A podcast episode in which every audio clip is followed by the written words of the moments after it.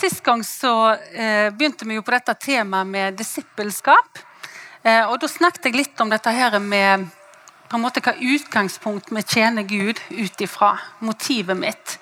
Eh, og tanken min om hvorfor jeg gjør det. Sant? Dette med Gjør jeg det av skyld og følelsen av at jeg må, eller på en måte hva er det som driver meg? Eh, I dag eh, så kjente jeg litt på at jeg har lyst til å snakke litt om egentlig identiteten min. Vet jeg hvem jeg er i Gud? Hva jeg har fått? Jeg trygg på min stilling innenfor Han? Eh, så Temaet mitt i dag det er 'rettferdiggjort av tro'. Eh, og Jeg har lyst til å begynne å lese to historier. Og Jeg håper vi kan kjenne oss litt igjen, da, selv om dette er satt litt på spissen. Men tenk deg da dag A. Du våkner klokka halv sju, og hele huset dufter av nytrakta kaffe og nybakt brød. Du står opp fullstendig uthvilt, sola skinner, fuglene synger, og dette ser ut til å bli en deilig dag. Kona eller mannen din er i perlehumør og har stått opp tidlig for å lage frokost til deg. Etter noen minutter står barna opp for å gjøre seg klar til skoledagen. Også de er blide og i kjempeform. På vei til jobben får du vitne til en mann om tro. Og han tar imot Jesus som sin personlige frelser. Og Nesten før dagen har starta, så har du faktisk fått lede et menneske til Jesus. På jobben går òg alt bra faktisk så bra at du får gjort mer denne dagen enn det du normalt ville gjort på ei hel uke. Atmosfæren blant kollegaene dine er den aller beste. Og når du kommer hjem, ja, da står biffen ferdig på bordet. Etter middagskvilen og nyheter på TV klokka ni er alle barna i seng og sover som noen Guds engler. Før du legger deg, kjenner du et veldig behov for å be. Den hellige ånd minner deg om ulike behov som du skal løfte opp i forbønn. Og med frimodighet så ber du. Kjære himmelske Far. Jeg takker deg for denne dagen du har gitt meg. Takk for seier og helbredelse for naboen som er blitt alvorlig syk. I Jesu navn befaler jeg sykdommen å vike. Og jeg takker deg, Gud, at legedom fra Jesus nå strømmer til min nabo.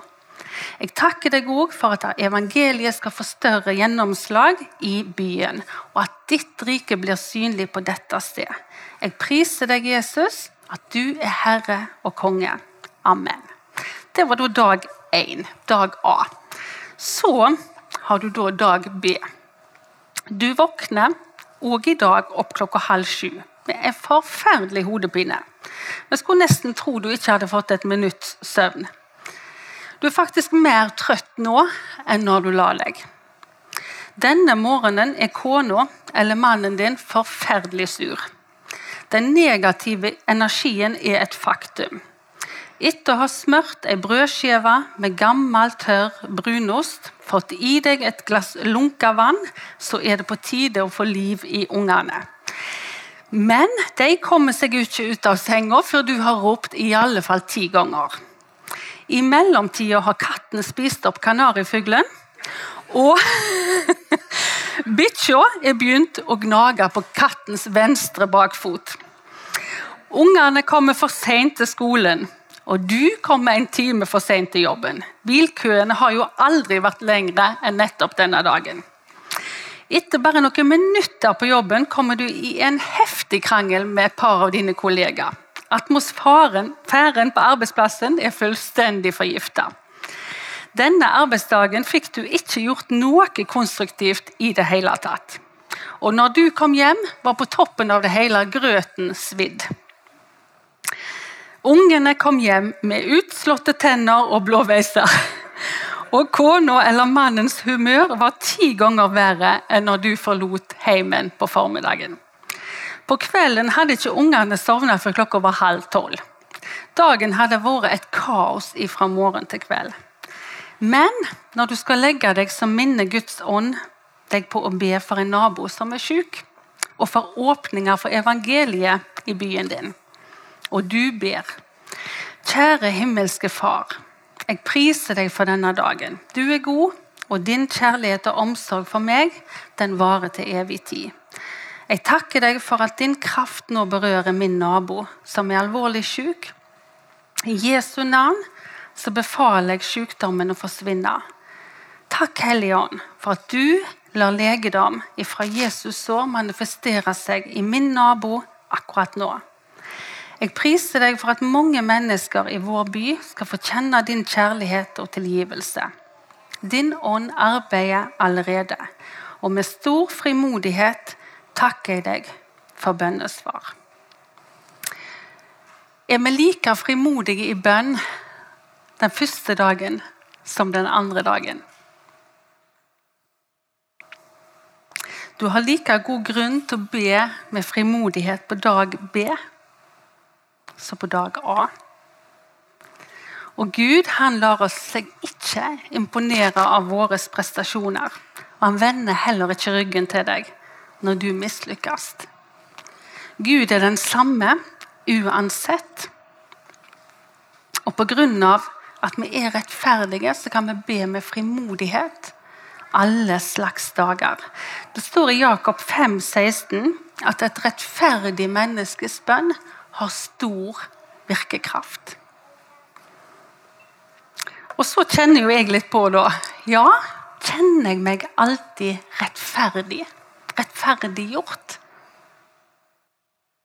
Eller er min stilling innenfor Gud, eller følelsen av min stilling innenfor Gud, påvirka av hvordan dagen min har gått, eller uka mi, eller hvordan jeg har levd kristenlivet mitt? For vi har jo alle en sånn mal om hvordan det bør se ut. da, Hvor godt vi lykkes. Og dette ligger jo på en måte i oss. Jeg tenker Vi skal gå litt til Galaterbrevet. Eh, og Vi vet jo her at eh, Paulus han har eh, forkynt evangeliet en stund. Og evangeliet og den kristne troa begynner å bre seg ut. Og disse Apostlene er jo da Peter og disse er å forkynne evangeliet. Men gjennom Paulus så vet vi jo at evangeliet også ble spredt til hedningene. De som ikke var jøder. Og det var ikke alltid like populært hos resten av folket. For jødene de tenkte at de hadde en annen stilling. De var, på en måte, de var jo Guds eiendomsfolk. Og det var ganske nytt for mange fremdeles at eh, hedningene òg skulle få innpass. Det var liksom ikke helt det sværeste. Det var ganske stor forskjell på hedninger og jøder. Eh, og I mange sine øyne så var det rett og slett ikke helt innafor å ete med noen av en annen kultur enn jødedommen. og på en måte Jødene de, var, de så på seg sjøl som ekstra hellige på en måte og, og fromme. Eh, og Selv om Paulus på en måte hadde begynt å forkynne evangeliet til dem, så var det allikevel på en måte et skille i mangens holdninger og tanker. Eh, og Så kan vi se her i, eh, i kapittel to så tar eh, Peter eh, Vi kan lese her fra 11. Da Da Peter var kommet opp til Antiokia, jeg han rett opp i ansiktet fordi det var grunn til å klandre han. Dette er da Paulus som sier. For før det kom noen fra Jakob, pleide han å spise sammen med hedningfolkene. Men da de kom, trakk han seg tilbake og skilte seg fra dem om frukt for dem som var av omskjærelsen. Altså Her har da Peter spist i lag med hedningfolk og vært i lag med dem. Og, men med en gang det kom noen andre jøder så han på en måte akta litt høyere, så kunne han plutselig ikke ete med hedningfolk igjen. Og Paulus refser ham for dette, for han syns det er hykleri. Hvorfor kunne han ete med dem når ingen så det. Men med en gang de andre jødene var der, så kunne han på en måte ikke ha samfunn med de folka. Og vi ser jo dette går på en måte igjen i evangeliet når Jesus går rundt med disiplene òg. Hvordan kan du ete med tollere og syndere, Jesus? De likte ikke dette. De ville liksom det skulle være høyere. Og vi ser det igjen i hele evangeliene. Dette her med at, at Gud advarer mot å akte noen mennesker høyere enn noen andre. Og allikevel så har vi en tendens til å gjøre det. Sette hverandre i bås, bedømme hverandre. Han er en god kristen, for han får alt til. Mens han er litt mislykka, for han har både, både skilt og det ene og det andre. Altså, Vi setter hverandre i bås. Ennå Guds ord advarer så til de grader imot det. Så ser vi videre her i vers 16. Men fordi vi vet at ett menneske ikke blir rettferdiggjort av lovgjerninger, men bare ved tro på Jesus Kristus, så trodde også vi på Kristus Jesus, for at vi skulle bli rettferdiggjort ved tro på Kristus, og ikke ved lovgjerninger. For av lovgjerninger blir ikke noe menneske rettferdiggjort. Leser vi videre i vers 20. Jeg er blitt krossfestet med Kristus. Det er ikke lenger jeg som lever, men Kristus lever i meg. Og det livet som jeg nå lever her i kroppen, lever jeg i tro på Guds sønn. Han som elsker meg og ga seg selv for meg. Jeg forkaster ikke Guds nåde, for om rettferdighet kommer med loven, så døde jo Kristus forgjeves. Det er ganske sterke ord. Hvis rettferdigheten kommer med lovgjerninger, så dør Jesus forgjeves. Når Jesus døde for meg og deg, så tok han på seg all vår synd, all vår skam. All den skylda som jeg og du skulle ha betalt. Det tok Jesus på seg når han døde for oss.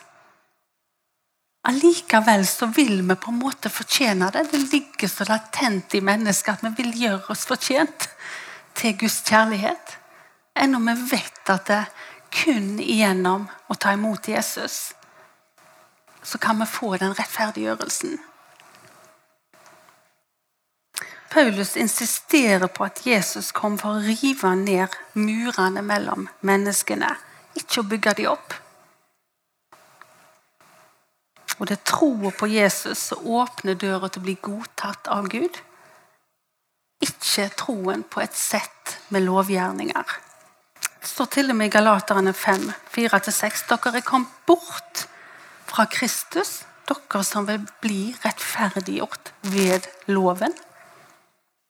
Det er ganske sterke ord. Vi vet at I Gamle testamentet så står det Abraham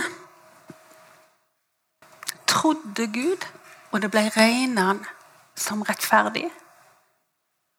Og når Abraham trodde, da var ikke de ti bud kommet engang.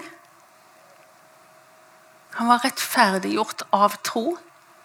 Men så gav Gud de ti bud til israelsfolket som en forberedelse på Jesu komme, for at de skulle se at de ikke klarte å leve etter loven sjøl. Det er ingen som klarer å leve etter loven. Ikke ett menneske har klart å oppfylle den. Og jeg tror loven, de ti bud, ble gitt for at vi skulle se nettopp det. At ikke ett menneske klarer det i seg sjøl. Vi er fullstendig avhengig av Guds nåde. Men så kan vi på samme måte som vi tok imot frelsen med tro, gjennom tro, få ta imot rettferdiggjørelsen ved tro. Se hvilken kjærlighet Faderen viste oss. At vi kan kalles Guds barn, og det er vi. Jeg lever ikke lenger sjøl, men Kristus lever i meg. I Jeremia 3, 17, mener jeg det, så står det Herren er i min midte, eller i din midte, og han fryder seg over deg med jubelrop. Han er i din midte. Du er ikledd Kristus. Hvis du tenker en konvolutt, og så putter vi denne, dette brevet ned i konvolutten, da ser vi ikke brevet. Vi ser kun konvolutten. Og når vi er i Kristus, så er vi ikledd Han. Og når Gud ser på deg, så er det faktisk ikke deg han ser. Han ser kun Jesus. Når du kommer og skal henvende deg til Gud i bønn, så er det ikke deg og det gamle menneskekroppen. Gud ser. Han ser din stedfortreder. Han som har tatt din plass. Og tatt på seg alt du er. All synd du har gjort, alt du gjør, og alt du kommer til å gjøre. Det offeret som Jesus betalte, det har betalt skylda vår en gang for alle. Allikevel så vil vi på en måte fiske det opp igjen og prøve å gjøre det godt igjen og godt igjen. Og klart at det, Nåden er gitt oss for at vi ikke skal synde på nåden og ha lyst til å leve i synd. Men når du ser det verket Jesus har gitt deg og gjort for deg, da får du ikke lyst å leve i synd. Vi vet at Jesus var den enbårne sønnen, den eneste sønnen. Han var Gud og sant menneske. Begge deler. Og så står det at vi er Kristi medervinger. Vi er likestilt med Jesus. Det er litt sånn ufattelig å begripe. Men si at du har en onkel da, som du ikke har særlig god kontakt med. Kanskje du har vært frekke med han når du traff han sist, og ikke har ført deg sånn som du skulle. Og så dør denne onkelen. Og så er dere fem stykker som skal arve denne onkelen, og dere har alle samme relasjon eller slektskap til han. Og han har delt rettferdig mellom dere. Er arven da de, selv om du ikke føler at du har fortjent det? Hvis det står i testamentet? Hun er fortsatt de. Og kanskje de andre fire syns at ja, han burde ikke fått den arva, eller hun. Sånn som han har oppført seg. Fortjente det overhodet ikke. Men så lenge det står i testamentet, så er den personen like fullt ut en arving, uansett hva de andre måtte mene om han. Og sånn er det med oss òg. Vi er Kristi medarvinger. Enten de rundt oss føler på at vi fortjener det, eller syns vi burde fortjent det. Eller kanskje vi sjøl kjenner på at åh, jeg er ikke verdt det. Men Gud syns at du var verdt det. Han syns at du var verdt å betale den høyeste prisen han kunne gi. Det beste han hadde, det gav han for å vinne deg. Kontakten med deg.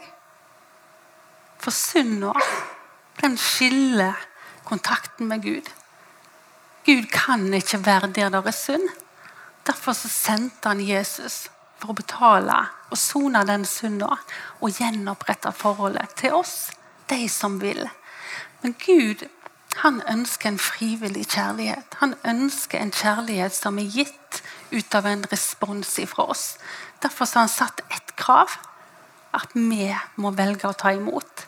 Han har gitt oss et fritt valg, for han ønsket en kjærlighet som vi ville. på en måte, At det var toveis. Han kunne ha tvingt seg på oss.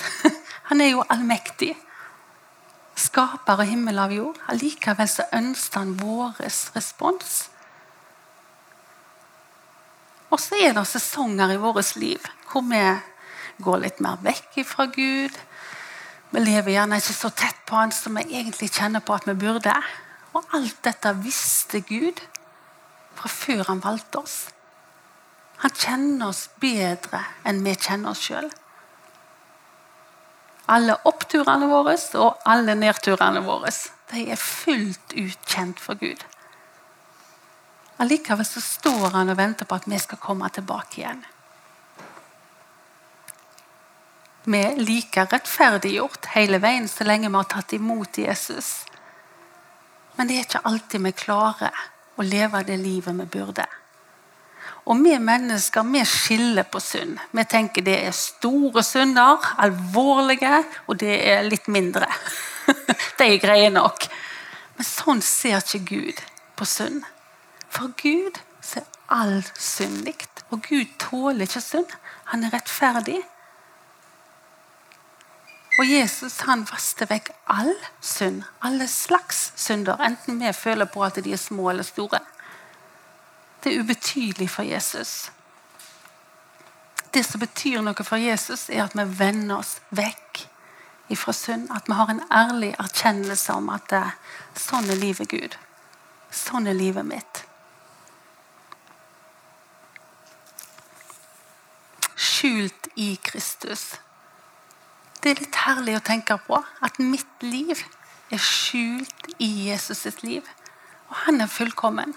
Når jeg kommer og skal be for andre, og gjerne ikke mitt liv er så bra som jeg skulle ønske det var, så kan jeg vite at jeg kommer. Holdt på å si, Jesus går i forbønn for meg. Han representerer meg. Jeg er skjult i han. Jeg er dekt med hans vingefjør. Før så vet vi at den hellige ånd, eller Guds nærvær, den hvilte i tempelet. Det var på en måte der i den bygningen Guds ånd var. Men etter Jesus død så står det at vi er en kropp. Vår kropp er et tempel for Den hellige ånd. Og der vi er, der er Guds ånd. Og det kan være her i huset, og det er fantastisk når vi er mange i lag. Da kan vi kjenne Guds nærvær. Men Guds nærvær er like mye med deg når du går ut den døra. Når du er på din arbeidsplass. Når du sitter hjemme og kanskje ikke ting er så greit. Eller når du er på høyden og virkelig føler på at det var dagen. Da er Guds nærvær der du er. For Kristus bor i hjertene ved troen på Han. Uansett hvordan dagene er. Og uansett om kanarifuglen ble spist opp av katten, og, hele dagen er liksom fantastisk, så er allikevel Guds nærvær med oss. Enten vi føler det eller ei. Vi har så lett for å bli styrt av følelseslivet vårt. Og følelsene våre de går opp, opp og ned. De. Det vet jo Gud. Men sannheten i Guds ord er det som bør definere oss. Den jeg er. For det er uforanderlig. Det står at Gud han elsker oss med en evig kjærlighet. Derfor har han latt sin miskunn være ved mot oss. Og en evig kjærlighet den er det ikke slutt på. Den bare fortsetter og fortsetter og fortsetter. Og så stoppet jeg litt med det ordet miskunnhet. Ja, hva betyr det, da? Den Gud ikke tilregner synd eller at noe blir tatt bort som om det aldri har skjedd. Det er den måten Gud ser på våre feiltrinn så lenge vi er i Kristus og blir der. Og vender oss om og får nåde og tilgivelse. Det står at hvis vi bekjenner syndene våre, så er Han trofast og rettferdig. Og han tilgir rikelig og vaske vekk syndene våre. Gud utvelger seg ikke det perfekte. Vi tror mange ganger det, og det er det bildet vi har lyst til å vise fram. Og For at jeg skal stille meg fram her, så kjenner jeg jo at det gjør godt for meg at alt er hva skal jeg si, rent innenfor Gud. Og jeg vet Det ville blitt vanskelig for meg å stille meg fram her hvis jeg hadde hatt mye ting i mitt liv som skurra. Så det er til beskyttelse for meg at jeg eh, skal tjene Han så plukker han på meg. Jeg må på en måte tillate at han renser livet mitt og plukker på ting som ikke bør være der. Men han gir meg en lyst til å legge det av. Og det bør være motivet mitt. Ikke for at du skal synes jeg er så perfekt, eller du, eller utad, og så går jeg rett rundt svingen og lever et annet liv. Da har det jo ingenting for seg. Gud ser jo alt. Og jeg bør jo ha større gudsfrykt enn menneskefrykt. Men allikevel så er det sånn, hvis du tenker deg ei krukke med masse med gull inni, et sterkt lys inni Hvis den ikke har noen sprikker hvor det lyset kan skinne ut, så er det ingen andre som får del i det lyset. Og Jeg tror Gud velger å se på li våre liv sånn. Det står at vi har denne skatten i leirkar. Han vet at våre kar ikke er perfekte. De har litt knuste En bete som har falt av der, og det gikk litt i sunt der. Og, sant? Men jeg tror at kanskje nettopp gjennom de sprikkene så kan Guds lys få skinne ut til andre. Kanskje nettopp når jeg byr på ting i mitt liv som er litt vondt og vanskelig, så får et annet menneske tillit til meg. At jeg er ærlig og sann og ekte. Det er jo ekte mennesker vi ønsker å på en måte ha connection med. Du får ikke lyst til å åpne deg opp for et glansbilde som ser ut som det er helt fantastisk fullkomment. Men jeg tror at ved å vise hvem vi er, nedturer og oppturer, så kan, få, nei, kan mennesker få se Guds nåde i vårt liv. Jeg hørte en som fortalte meg eh, de hadde mistet et barn. Og gikk gjennom den største sorgen de kunne gå gjennom. Og Så traff han på en av naboene en dag han hadde det skikkelig pyton og var helt nede. og Bare den omsorgen for naboen gjorde at han knakk fullstendig sammen. Og For første gang på mange år, de hadde jo vært naboer i 12-15 år, så fikk de en samtale som var ekte. Ikke bare vær og vind eller hvor fint, fint bed du har. Men de nådde inn. Og naboen som var ufrelst, var den som fikk hjelpe han gjennom denne sorgen. Og Det enda opp med at naboen ble frelst fordi han så hvordan Gud gjenoppretta i livet deres. Noe som ikke noe menneske kunne gjøre i en sånn bunnløs sorg. Så når vi ser, si, når andre mennesker får se Gud i vårt liv, så tror jeg det er et mye sterkere vitnesbyrd enn at vi prøver å være så perfekte. La de få møte vårt ærlige liv.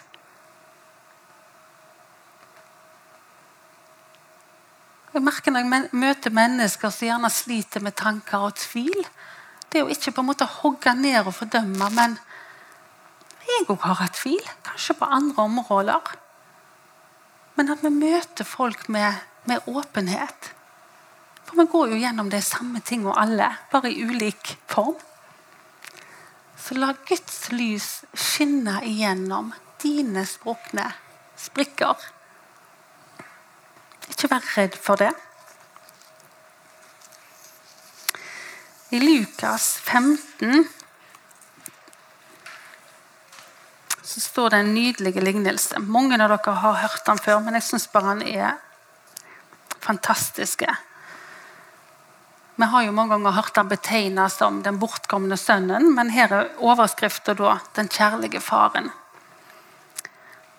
Fra vers 11 så sa han en mann hadde to sønner.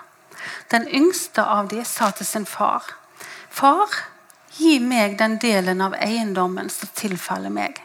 Så delte han eiendommen sin imellom dem.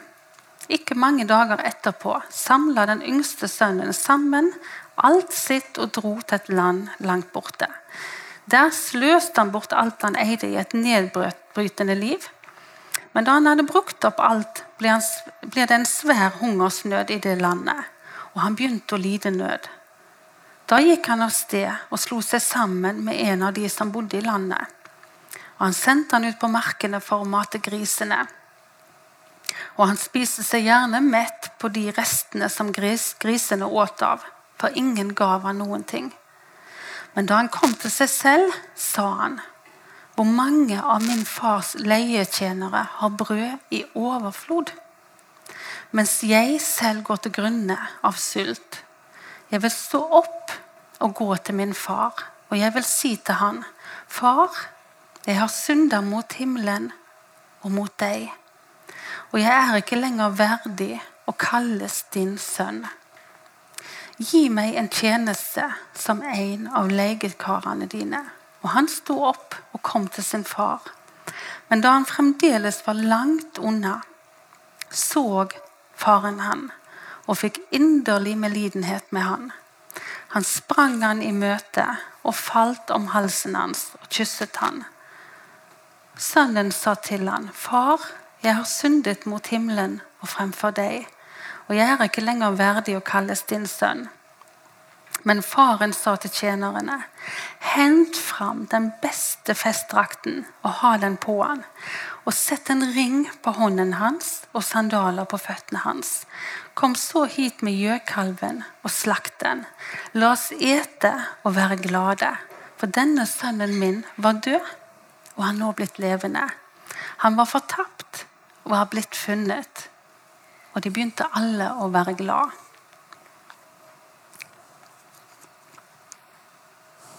Du vet, det Er sånn at er du første sønn eller datter, så er det ingenting som forandrer det. Selv om vi trør feil. Ungene mine vil alltid være mine. For det er deres rette stand. Og Sånn er det i Guds rike òg. Han har adoptert oss som sine. Har vi tatt imot Jesus? Det er kun den veien til himmelen. Ikke gode gjerninger, ikke alt mulige andre ting. Men kun gjennom å ta imot Jesus er veien, sannheten og livet. Og går vi vekk Det som gjorde at det, det ble seier igjen her, var jo ikke at han gjorde opp for alt han hadde gjort gale. Det var at han vendte seg tilbake igjen til faren. Han vendte blikket hjemover. Han hadde ikke forhåpning om at han skulle få bli sønn igjen, men han gikk nå iallfall hjemover. Og det er det Gud venter av oss òg. Har det skjert seg? Omvend deg. Gå tilbake igjen til Gud. Og som vi leser om denne faren. Mens gutten var langt vekke, så så han han. Det forteller meg at han var på utkikk etter han. Han speida etter han. Og det gjør han etter oss òg. Gud er alltid på utkikk etter oss. Han ønsker kontakt. For han er der alltid mulig, men det er vi som må komme. Han ønsker de frivillige stegene ifra oss. Noen ganger er det lett, andre ganger er det vanskelig. Men vi er like elska uansett. Og dette med å klare å ta imot det, det er for min bønn. At Gud hjelper meg å ikke være så streng med meg sjøl. For det stjeler frimodigheten min, både overfor andre og egentlig innenfor Gud. Det er det egentlig synden gjør med oss. Når vi velger å leve i synd, så er jo relasjonen til Gud lik. Han er akkurat like glad i oss. Men det stjeler vekk min glede, min fred, min frimodighet, min lyst til å fortelle andre om Jesus for jeg kjenner meg fordømt. Men så er det nydelig å vite at rettferdighet betyr at Gud ser på oss som om synda aldri har skjedd, når vi vender oss vekk.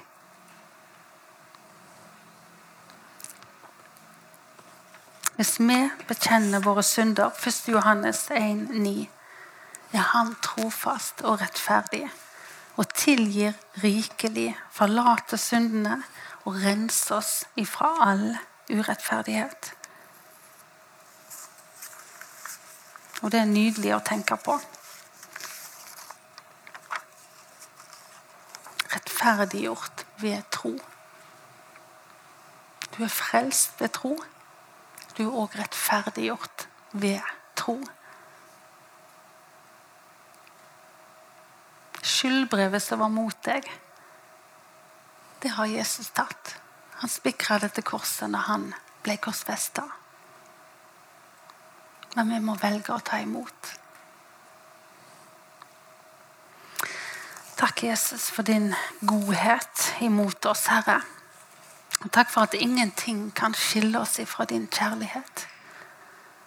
Takk for at det står i ditt ord at du har elsket oss med en evig kjærlighet. Derfor har du latt din miskunnhet vare ved mot oss.